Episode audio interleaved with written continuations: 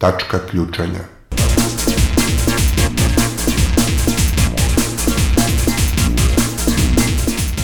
Podcast o protestima.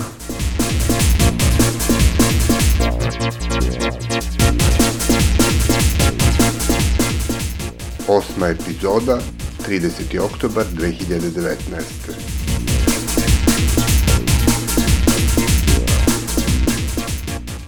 Dobrodošli u još jednu epizodu Tačke ključanja. Evo šta vas u njoj očekuje. Protest protiv premeštanja Savskog mosta. Ovaj most nisu srušili ni nacisti, neće ga srušiti ni Vučićev Vesić. Protest advokata u Beogradu. U ovom trenutku ne možemo ni mi isključiti da će biti blokade saobraćaja.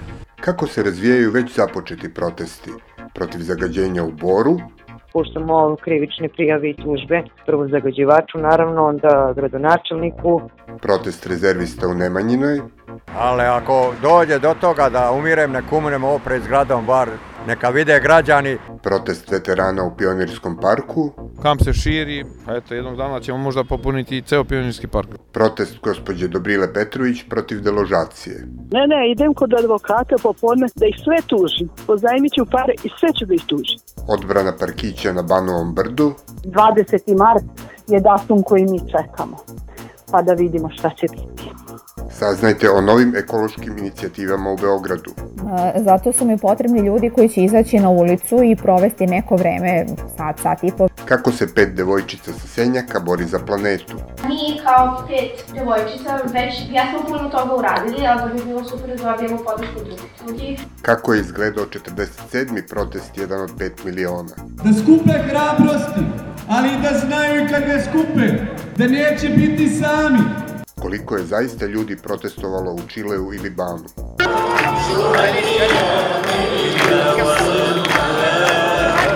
A tu je i mesečna top lista najvećih protesta u Srbiji. Tačka ključanja.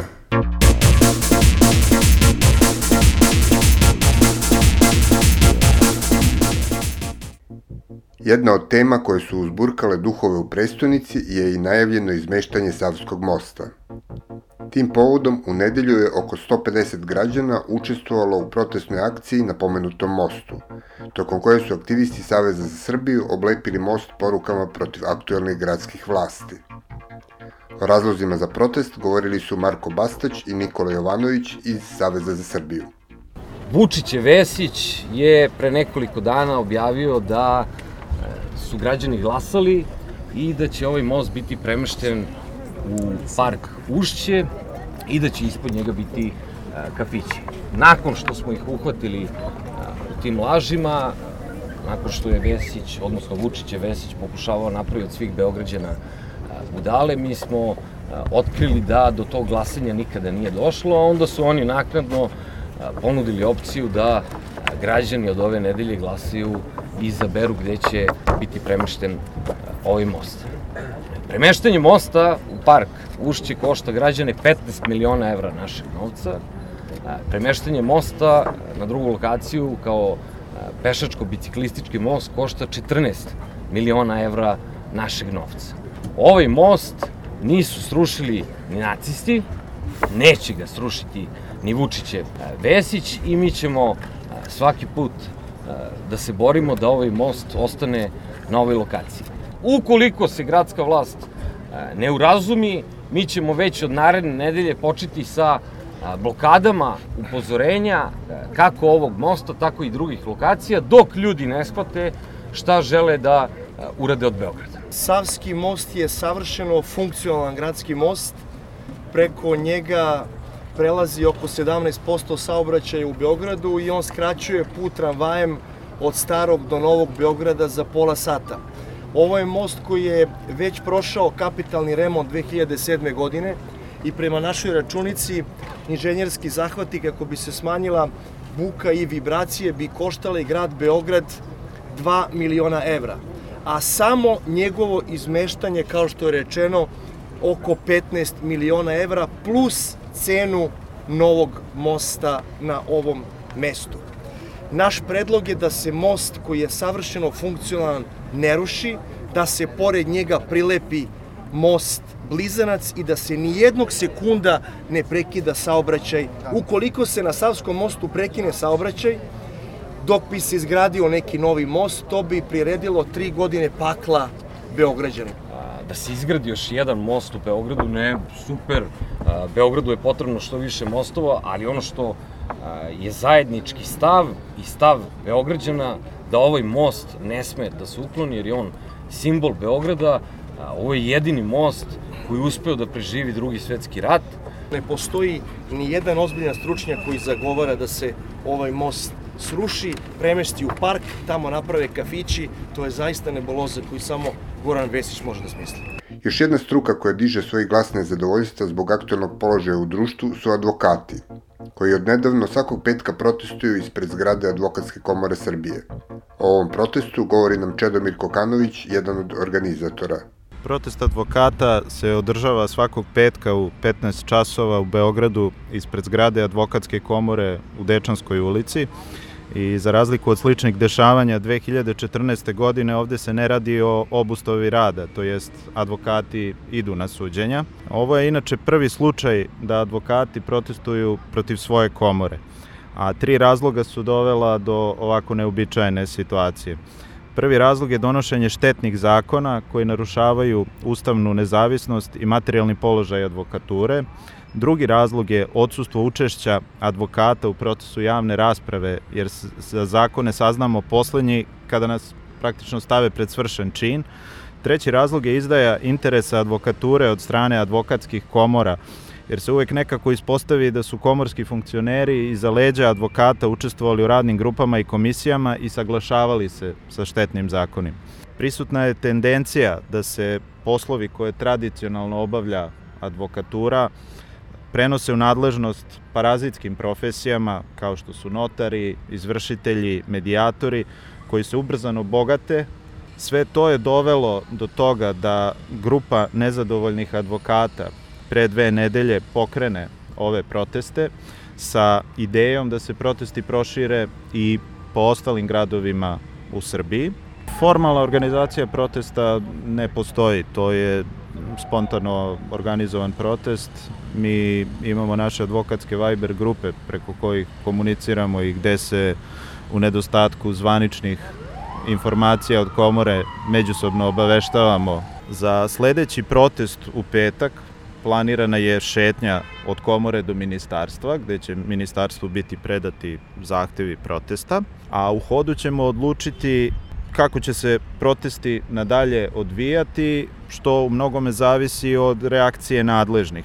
Mi ne želimo da narušavamo mir građana kako je to bilo izraženo u nedavnom protestu taksista, ali jednostavno ako želimo nešto da postignemo svojim protestom, mi moramo onemogućiti sistem da funkcioniše na uobičajen način. Tako da u ovom trenutku ne možemo ni mi isključiti da će biti blokade saobraćaja. Tačka ključanja.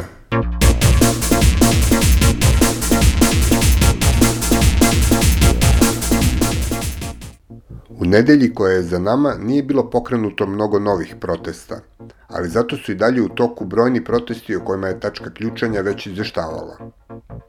U ovoj epizodi proveravamo šta se trenutno dešava s nekima od njih, a počinjemo sa protestom građana Bora protiv zagađenja vazduha. U ponedeljak je istekao rok koji su organizatori protesta postavili nadležnim institucijama da reaguju na alarmantnu situaciju u tom gradu, pa nas je zanimalo šta se dešava posle isteka tog roka. O tome nam govori Irena Živković iz organizacijonog odbora protesta.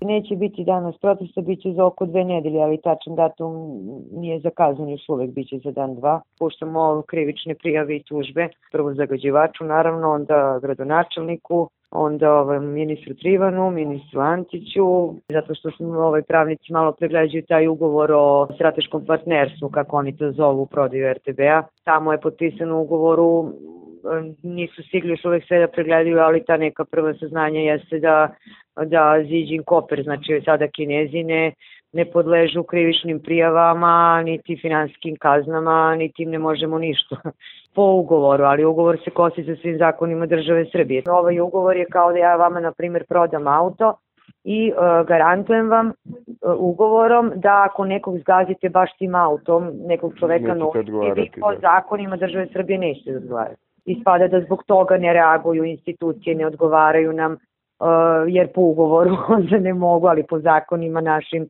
trebaju. Ispada da građani Bora nemaju pravo da se bune, mm -hmm. ovaj, a, a udišu teške metale već 10 mesec mi smo rudarski industrijski grad, gledamo realnu situaciju. Jedan od zahteva je bio da, ovaj, da se oglašavaju sirene za vazdušnu opasnost. Mhm. Znači, zbog deci, zbog hroničnih bolesnika, znači da se kaže ljudima kad ne smiju, kad je visoka koncentracija, kad ne smiju da izađe, jer to je već postalo svakodnevno. Mhm. Znači, to je nešto što su oni dužni po zakonu da upozore. Oni ni to ne, ne žele da urade, jer to onda ukazuje na vanredno stanje i ostalo kao pravimo se, nije ništa strašno naša gradska uprava je bila u, od 2013. u obavezi da donese taj kratkoročni akcijni plan po kome Republička inspekcija i ministarstvo trebaju da reaguju na ovo zagađenje prekomerno i mm. kontinuirano. Ovi, oni to nisu doneli, mi smo im dali rok od 10 dana da barem krenu da rade na tome, pošto to očigledno da nije sad nešto što može da se uradi za jedan dan. Mm -hmm. Ali oni apsolutno nisu pokazali čak najmanju želju da, da bilo šta sarađuju. Umeđu vremenu je gradonačelnik Bora održao sastanak s nekoliko organizacija iz ovog grada koje se do sad nisu posebno isticale u dizanju glasa protiv ugrožavanja zdravlja Borana, dok inicijatori protesta nisu pozvani na ovaj sastanak. A dok čekamo dalje razvoj događaja u Boru, da vidimo šta se dešava ispred Vrhovnog kasacionog suda u Nemanjinoj ulici u Beogradu.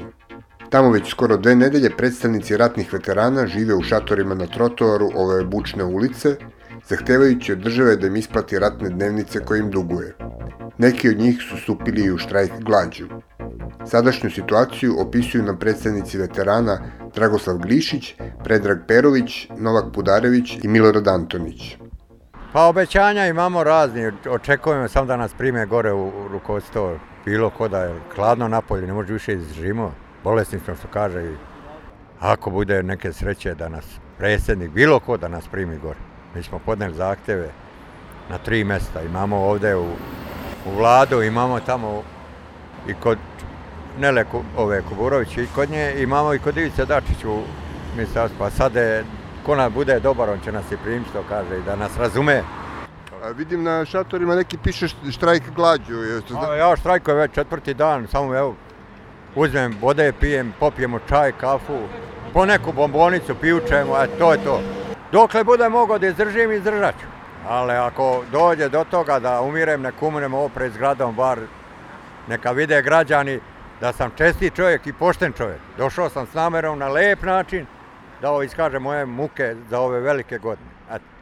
Znači, ako sam bio u ratu, dajte mi da imam neke povlastice koliko toliko, a ne da imao penzije neke, nije veća je socijalna pomoć nego naše penzije.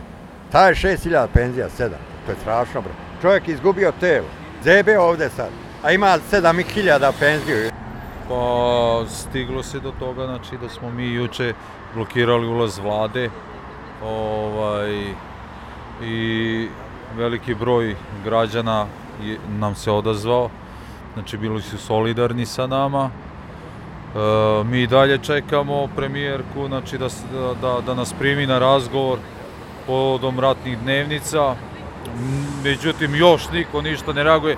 Mi smo ovde praktično, sad će 14. dan, nemamo opštih uslova, nikakvih uslova, to jest za higijenu, živimo tu pod šatorima, znači non stop je tranzitan saobraćaj, hladno je noću, mi se smrzavamo tu ispred šatora, čekamo i dalje, znači da se oglasi premijerka i da nas po hitnom postupku primi. Mi ćemo, znači, iskreno ići i na radikalnije mere u slučaju da vlada ne, ne prihvati naš zahtev.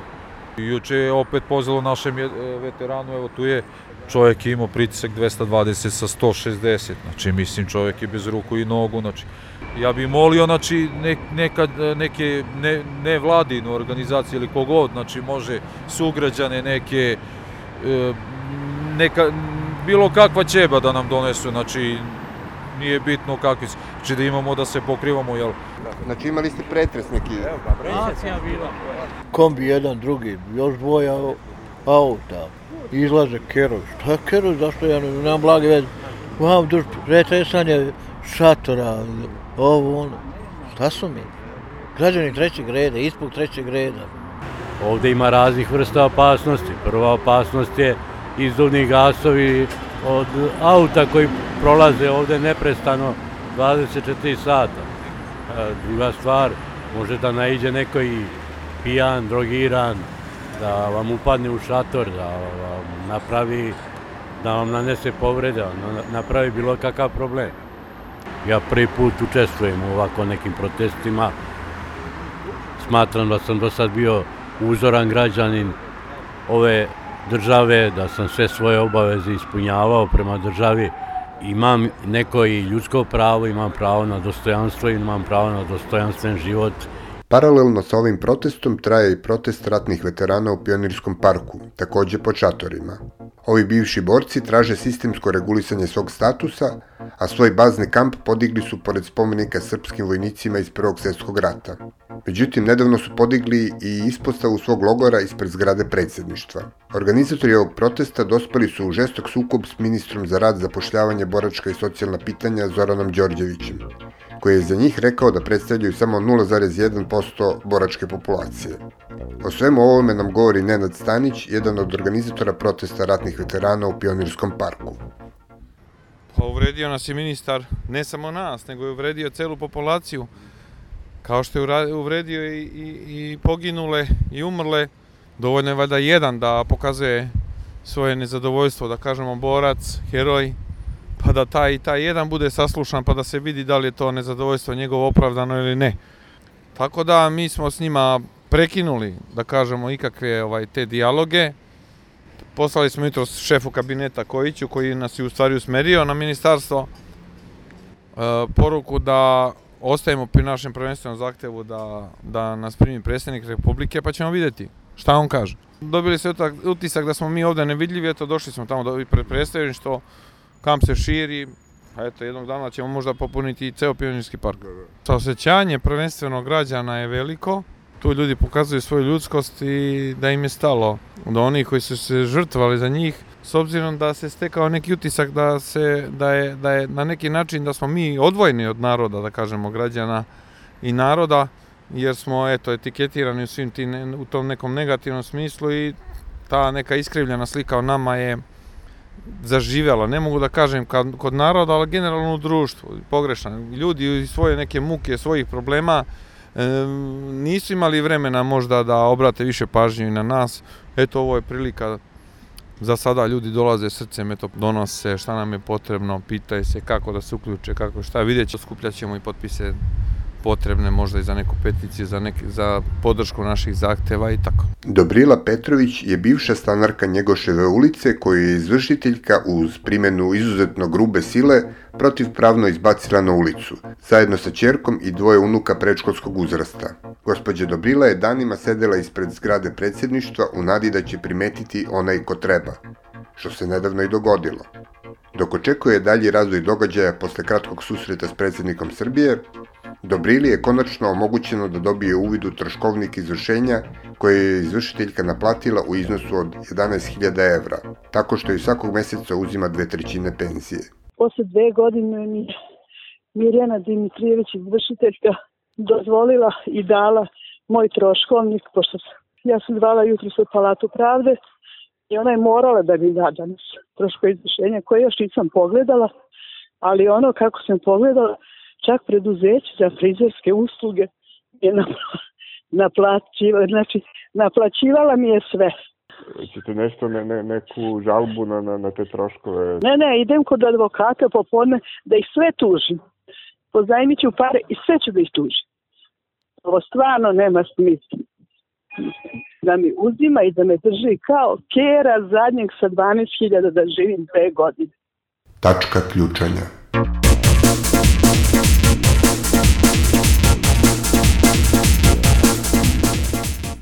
Pre skoro četiri meseca, varvarski čin seče drveća u jednom parkiću na Banovom brdu bio je povod stanarima obližnje zgrade da se suprotstave namerama investitora koji na mestu parkića želi da podigne stambene zgrade. Stanari Požeške 158 do 160 uveli su građanske straže od 0 do 24, kako bi onemogućili početak građevinskih radova i sačuvali ostatke svog parkića. A u jednom trenutku dva hrabra stanara su i pretučena. O tome šta se sada dešava s ovim protestom govori nam Milena Popević, jedna od najaktivnijih stanarki ove pobunjene zgrade. Kod nas nema ništa specijalno novo, osim da su komšije ove što su dobile batine i još jedan komšija ovaj, dobili privremenu meru da ne smeju da budu tu kao pored zgrade da čuvaju i ne smeju da primenjuju silu prema investitorima. Ja. Ispada smo mi nasilnici, da smo mi njih opet tukli. Mislim, oni uporno pokušavaju da tu krivicu za tu tuču prebace na nas. I šta ni sad ne smeju ispred, ispred svoje zgrade da stoje? Mhm. Piše samo da ne smeju da brane da, da ovi ovaj, prosto uđu na posjed. Eto, to je njih trojica, što naravno mi ostali to se ne odnosi na nas, ali je investitor pretio da će nas ganjati jednog po jednog. Ne znam, evo nisam sigurno, kao da je prvo rekao lovit ćemo ih jednog po jednog, a da je onda to nešto promenjeno, da li on možda intervenisao kod ovih, da sad piše kao hvatat ćemo ih jednog po jednog. Što se tiče ove odbrane, mi smo tu, znači sedimo, ono, tu smo, sredili smo tu prostoriju za zimske uslove, da možemo tu da budemo. Ročište za opet nešto što smo mi podneli, ne znam šta, je zakazano tek za 20. mart. Pretpostavljam da je to vezano opet za tu našu privremenu meru koju smo tražili, da se njima znači privremeno ne dozvoli ulazak u posed, da bismo mi mogli da idemo dalje da tražimo dokumenta koja nam trebaju. Što se tiče opštine, ni, nikakva komunikacija? Ništa, ništa. Opština nas potpuno ignoriše. Znači tad kad je bio, bio je naš predsednik opštine, ovaj upravnik je bio kod predsednika opštine tad posle te tuče, posle onog našeg protesta, mm -hmm ništa. Znači, predsednik opštine je samo ponavljao šta vaš predsednik opštine može da uradi za vas. Investitor ne dolazi da nas obilazi, samo u toku noći povremeno dođe neko iz protektenje, on, pošto privatno obezbeđenje, to je, mhm. jel da, njegovo, dođu, obiđu oko parka, oko gradilišta takozvanog i odu. I to je to, fotografišu, i odu. Tako da nema nikakvih konflikta, nema nikakvih ni verbalnih sukoba, znači ništa se specijalno ne dešava. Mi smo tu, opet stražarimo, instalirali smo kamere da imamo, da snimamo. Zaboravljaju ljudi, ne samo ne samo ajde ok iz okoline, nego i ljudi iz grade se polako opuštaju jer se ništa ne dešava, jer nema, on ne dolazi, da on, pa valjda su malo onako, ne znam, ni, ni misle da se ništa specijalno ne dešava, iako u stvari se sve dešava sada preko sudova. 20. mart je datum koji mi čekamo, pa da vidimo šta će biti. Dobrila Petrović je jedna od građana i građanki ove zemlje koji su započeli individualni protest za zaštitu svojih prava. Mnogi drugi su isto tako dospeli do neke svoje lične tačke ključanja i pokrenuli protestne akcije u svojoj okolini. Jedan zanimljiv primer dešava se ovih dana na društvenim mrežama. Uznemirena zagađenjem vazduha u Beogradu, Milica Marušić, jedna od aktivistkinja pokreta Odbranimo reke Stare planine, pozvala sve zainteresovane da joj se priključe u organizovanju jedne peticije. Evo šta o toj akciji govori sama inicijatorka. Ideja ove inicijative je da prikupimo što veći broj potpisa građana koji će se izjasniti protiv ovog strašnog zagađenja vazduha koje sada uveliko ugrožava naše zdravlje. Tako da ovaj, sam ja uz pomoć ljudi koji su stručniji za ovu oblast tragala za nekim glavnim razlozima visokog zagađenja vazduha i samim tim sam pokušala da nađem neka rešenja koja nama jesu dostupna i koja su izvodljiva zapravo Dakle, pre svega se zahteva uvođenje jeftinijeg gasa za grejanje domaćinstava i takođe jeftinije, jeftinije i jednostavnije procedure za uvođenje gasnih aparata na automobilima. Pored toga postoje neka postrojenja kao što je na primjer termoelektrana Nikola Tesla u Obrenovcu koja je dobila donaciju iz Japana da, da ugradi filtere koji bi, kojim bi bilo iz izvršeno filtere ili uređaje zapravo kojem bi bilo izvršeno odsumporavanje, međutim ti rokovi su nedopustivo dugo produženi. Takođe, naravno da je neophodno ozelenjavanje i napraviti biciklističke staze. Ljudima koji hoće, koji mogu da idu biciklom je neophodno omogućiti osnovne uslove, odnosno bezbednost. Moja ideja je da mi e, na ove mere koje sam do sada e, pomenula, da zapravo izađemo na ulicu i prikupimo potpise u znak podrške navedenim rešenjima i nadam se da ćemo dobiti veliki broj potpisa građana i da onda dostavimo ta dokumenta u Ministarstvo za zaštitu životne sredine i gradonačelniku grada Beograda. Zato su mi potrebni ljudi koji će izaći na ulicu i provesti neko vreme, sat, sat i po vremena i sačekati da neko prođe i da se potpiše. Znači, eto, ja bih zamolila nekoga ako je zainteresovan da se javi na moj mail, to je millica13 monkeyahoo.com. Mislim da i pored toga što postoji elektronska forma sada koju je dala, dala organizacija Ne davimo Beograd, isto naravno dali su sjajna rešenja i pozivam ljude takođe da potpišu i tu peticiju elektronski. E, opet i taj neki potpis koji ćemo dati u papiru ima svoju težinu. Ako želite da se priključite inicijativi Milice Marušić, pišite joj na e-mail millica13.yahoo.com. A kad smo već pomenuli inicijativu Ne davimo Beograd, oni su pokrenuli online peticiju sa sledećim zahtevima. Radikalno poboljšanje javnog prevoza, masovno ozelenjavanje i pošumljavanje grada, promocija održive urbane mobilnosti, prelazak sa fosilnih goriva na obnovljive izvore energije, bolja kontrola industrijskih zagađivača, sistematsko praćenje i izveštavanje o zagađenju vazduha, odustajanje od svih štetnih projekata koji će dodatno zatrovati vazduh naših gradova, poput izgradnje spalionica. Ova peticija je za prva dva dana sakupila gotovo 2000 potpisa, a možete se priključiti i vi preko sajta inicijative Ne davimo Beograd. Ovim povodom inicijativa organizuje i protestnu šetnju od Skupštine grada do vlade Srbije 31. oktobra u 18 časova. Tačka ključanja.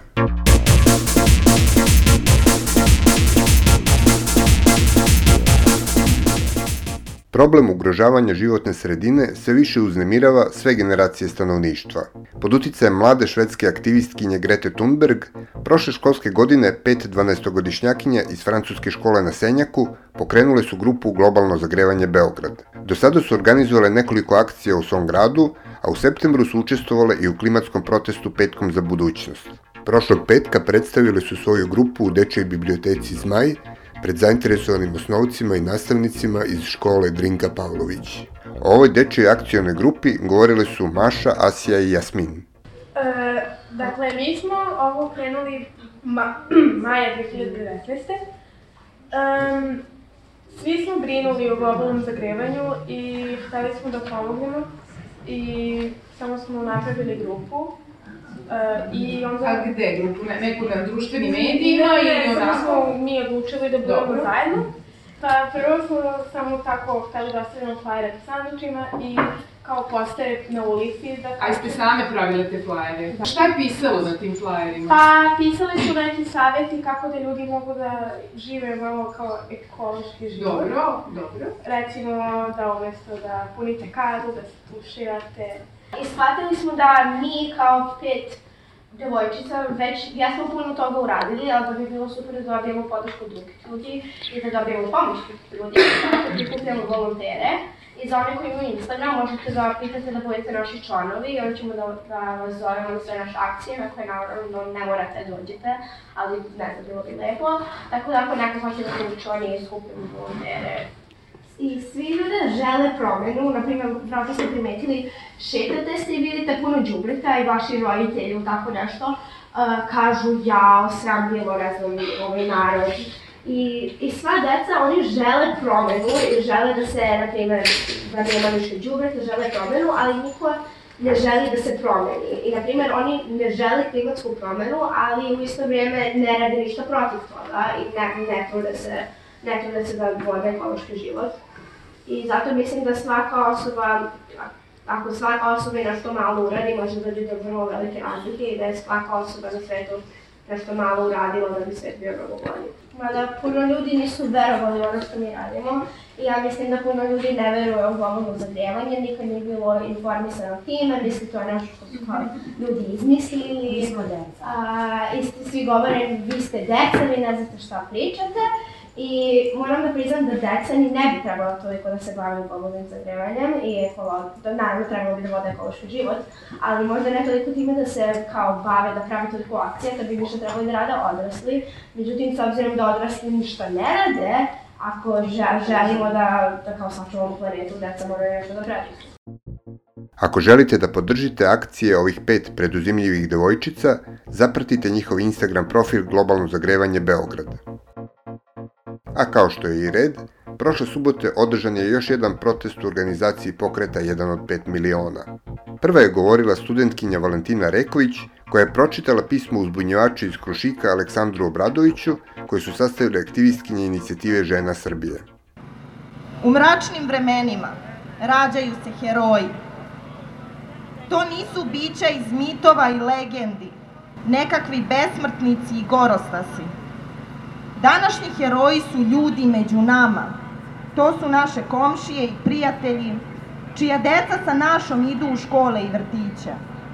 Danas biti heroj znači da razumeš da kada nestanu briga za zajednicu i svakog pojedinca, ljudsko društvo prestaje da postoji. Valentina Reković je podsjetila na slučaj novosadskih srednjoškolaca koji su odbili da pevaju na stranačkoj proslavi Srpske napredne stranke. To je bila jedna od sve češćih spontanih reakcija otpora, poput nedavnog protesta nastavnika Filozofskog fakulteta, koji su izašli na plato nezadovoljni zbog stanja na univerzitetu i vređanja nastavnika i saradnika ovog fakulteta. Među ovakve pojave otpora svakako spadaju i uzbunjivači, pa je tako u subotu s kamiona na Studenskom trgu govorio i Milan Dumanović, koji je uz svog kolegu Milana Trbovića upozorio javnost na nezakonit angažman srpske policije u Bosni i Hercegovini. Zbog toga sam ja ovde ispred, ispred vas danas da vam se izvinim u svoje lično ime, ime Mladena Trbovića i svih poštenih policajaca. Da vam se izvinim što kriminalci i huligani ponovo imaju službene legitimacije. Što nam je kriminalističku policiju preuzela mafijaška banda zvana Odeljenje za zaštitu narodu, naroda, a danas bija. I što nismo uspeli da vas sačuvamo vas kao naše građane od toga. U protestnoj šetnji učestvovalo je oko hiljadu i po demonstranata, a 47. protest, jedan od 5 miliona, završen je opet ispred zgrade RTS-a, gde se okupljenima obratio student Srđan Marković. Danas pozivamo i njih kao uzbunjivače i uzbunjivače uopšte. Da se probude i da jasno kažu šta se dešava po njihovim institucijama. Da skupe hrabrosti, ali i da znaju kad ne skupe, da neće biti sami, jer kao što nisu sami ni Aleksandar Obradović, ni Milan Dumanović, ni Mladen Trbović, neće ni oni, mi ćemo biti tu za njih. I zato probudite se uzbunjivači, ajmo da razbijemo ovaj sistem, ajmo da popravimo ove pokvarene institucije, iznutra. Bilo je to sve o protestima u Srbiji u ovoj epizodi, a na kraju meseca dajemo i top listu najvećih protesta koje je tačka ključanja pokrila u oktobru. Deseto i deveto mesto dele protest protiv premeštanja Savskog mosta i protest u Boru 14. oktobra, oba sa 150 učesnika. Na osmom mestu je skup podrške Aleksandru Obradoviću ispred centralnog zatvora u Beogradu 14. oktobra sa oko 200 učesnika. Sedmo mesto. Protest novinara protiv pritisaka na televiziju N1, 220 učesnika. Šesto mesto. Protest penzionera PKB-a na Zrenjaninskom putu, 270 učesnika. Na petom mestu, protest u Boru 3. oktobra, 280 učesnika. Četvrto mesto, protest 1 od 5 miliona 12. oktobra, 1400 učesnika. Na trećem mestu, 1 od 5 miliona 26. oktobra sa 1000 i po učesnika dok drugo i prvo mesto dele isto protest 1 od 5 miliona od 5. oktobra i od 19. oktobra, oba sa oko 1800 učesnika. Tačka ključanja.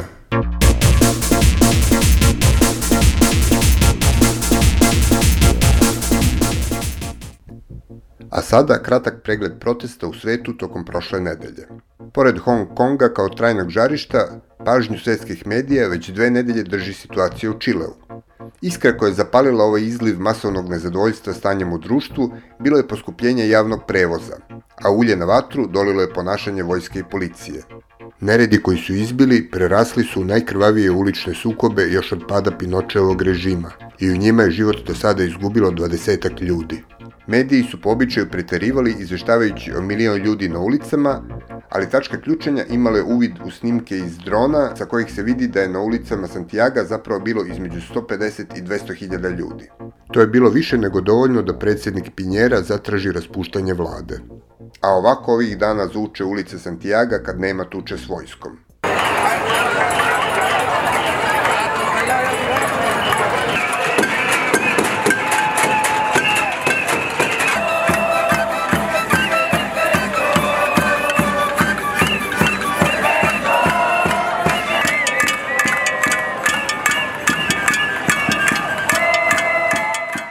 Liban je još jedna zemlja koja je privukla pažnju neočekivanom provalom socijalne frustracije.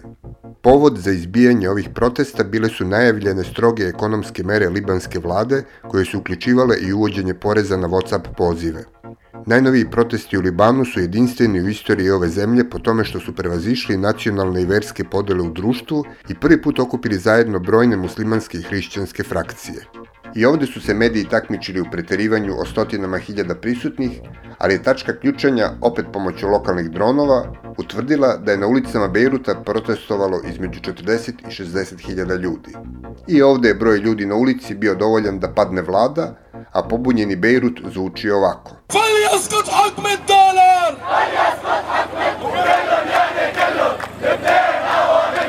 وحرامي حرامي رياض سلامي حرامي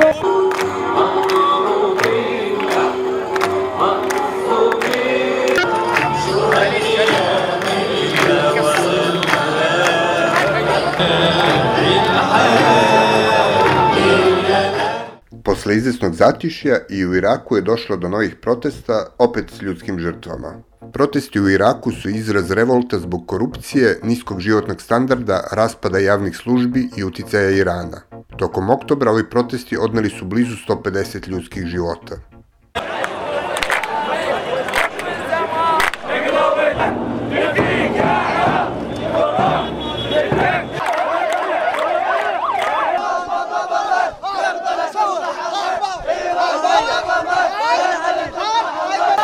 مجلس محافظة هذا مجلس محافظة يقول ما حد يطلع هذا مجلس محافظة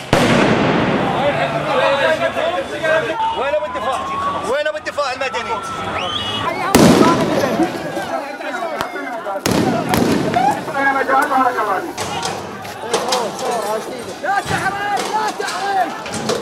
Što se tiče Evrope, trenutno je najusijanija situacija u Barceloni, obeležena masovnim protestima pristalica nezavisnosti Katalonije. Međutim, posljednjih dana aktivirali su se i protivnici nezavisnosti, a ovako zvuči susret jednih i drugih.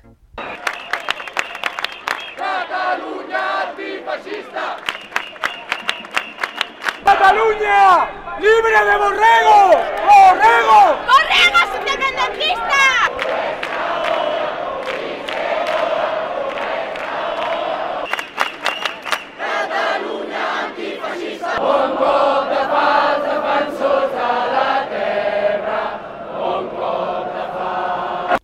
Zanimljiv protest desio se u Atini, gde su se studenti pobunili protiv novih zakona za koje smatraju da krše prava radnika. Oni su izašli na ulice masovno naoruženi drvenim motkama koje su koristili i kao zastave i kao oružje.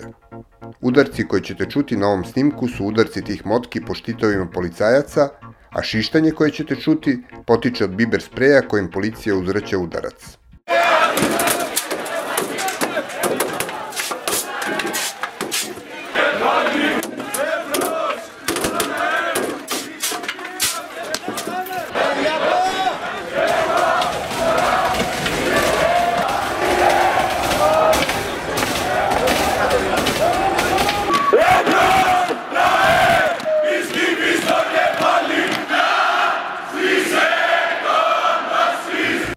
Bilo bi to sve u ovoj epizodi Tačke ključanja. Tačka ključanja je autorski podcast koji je deo šireg projekta Politika na ulici, a realizuje se uz podršku građanskih inicijativa. Programska koncepcija Aleksandar Gubaš i Ilir Gaši. Urednik i reporter Aleksandar Gubaš. Muzička podloga Dominator. U ovoj epizodi korišćeni su snimci Tačke ključanja, Lorana Ruija i YouTube kanala Raptli. Kontakt tackakljucanja.gradijanske.org i 063 8927 467. Živeli i uzdravlje!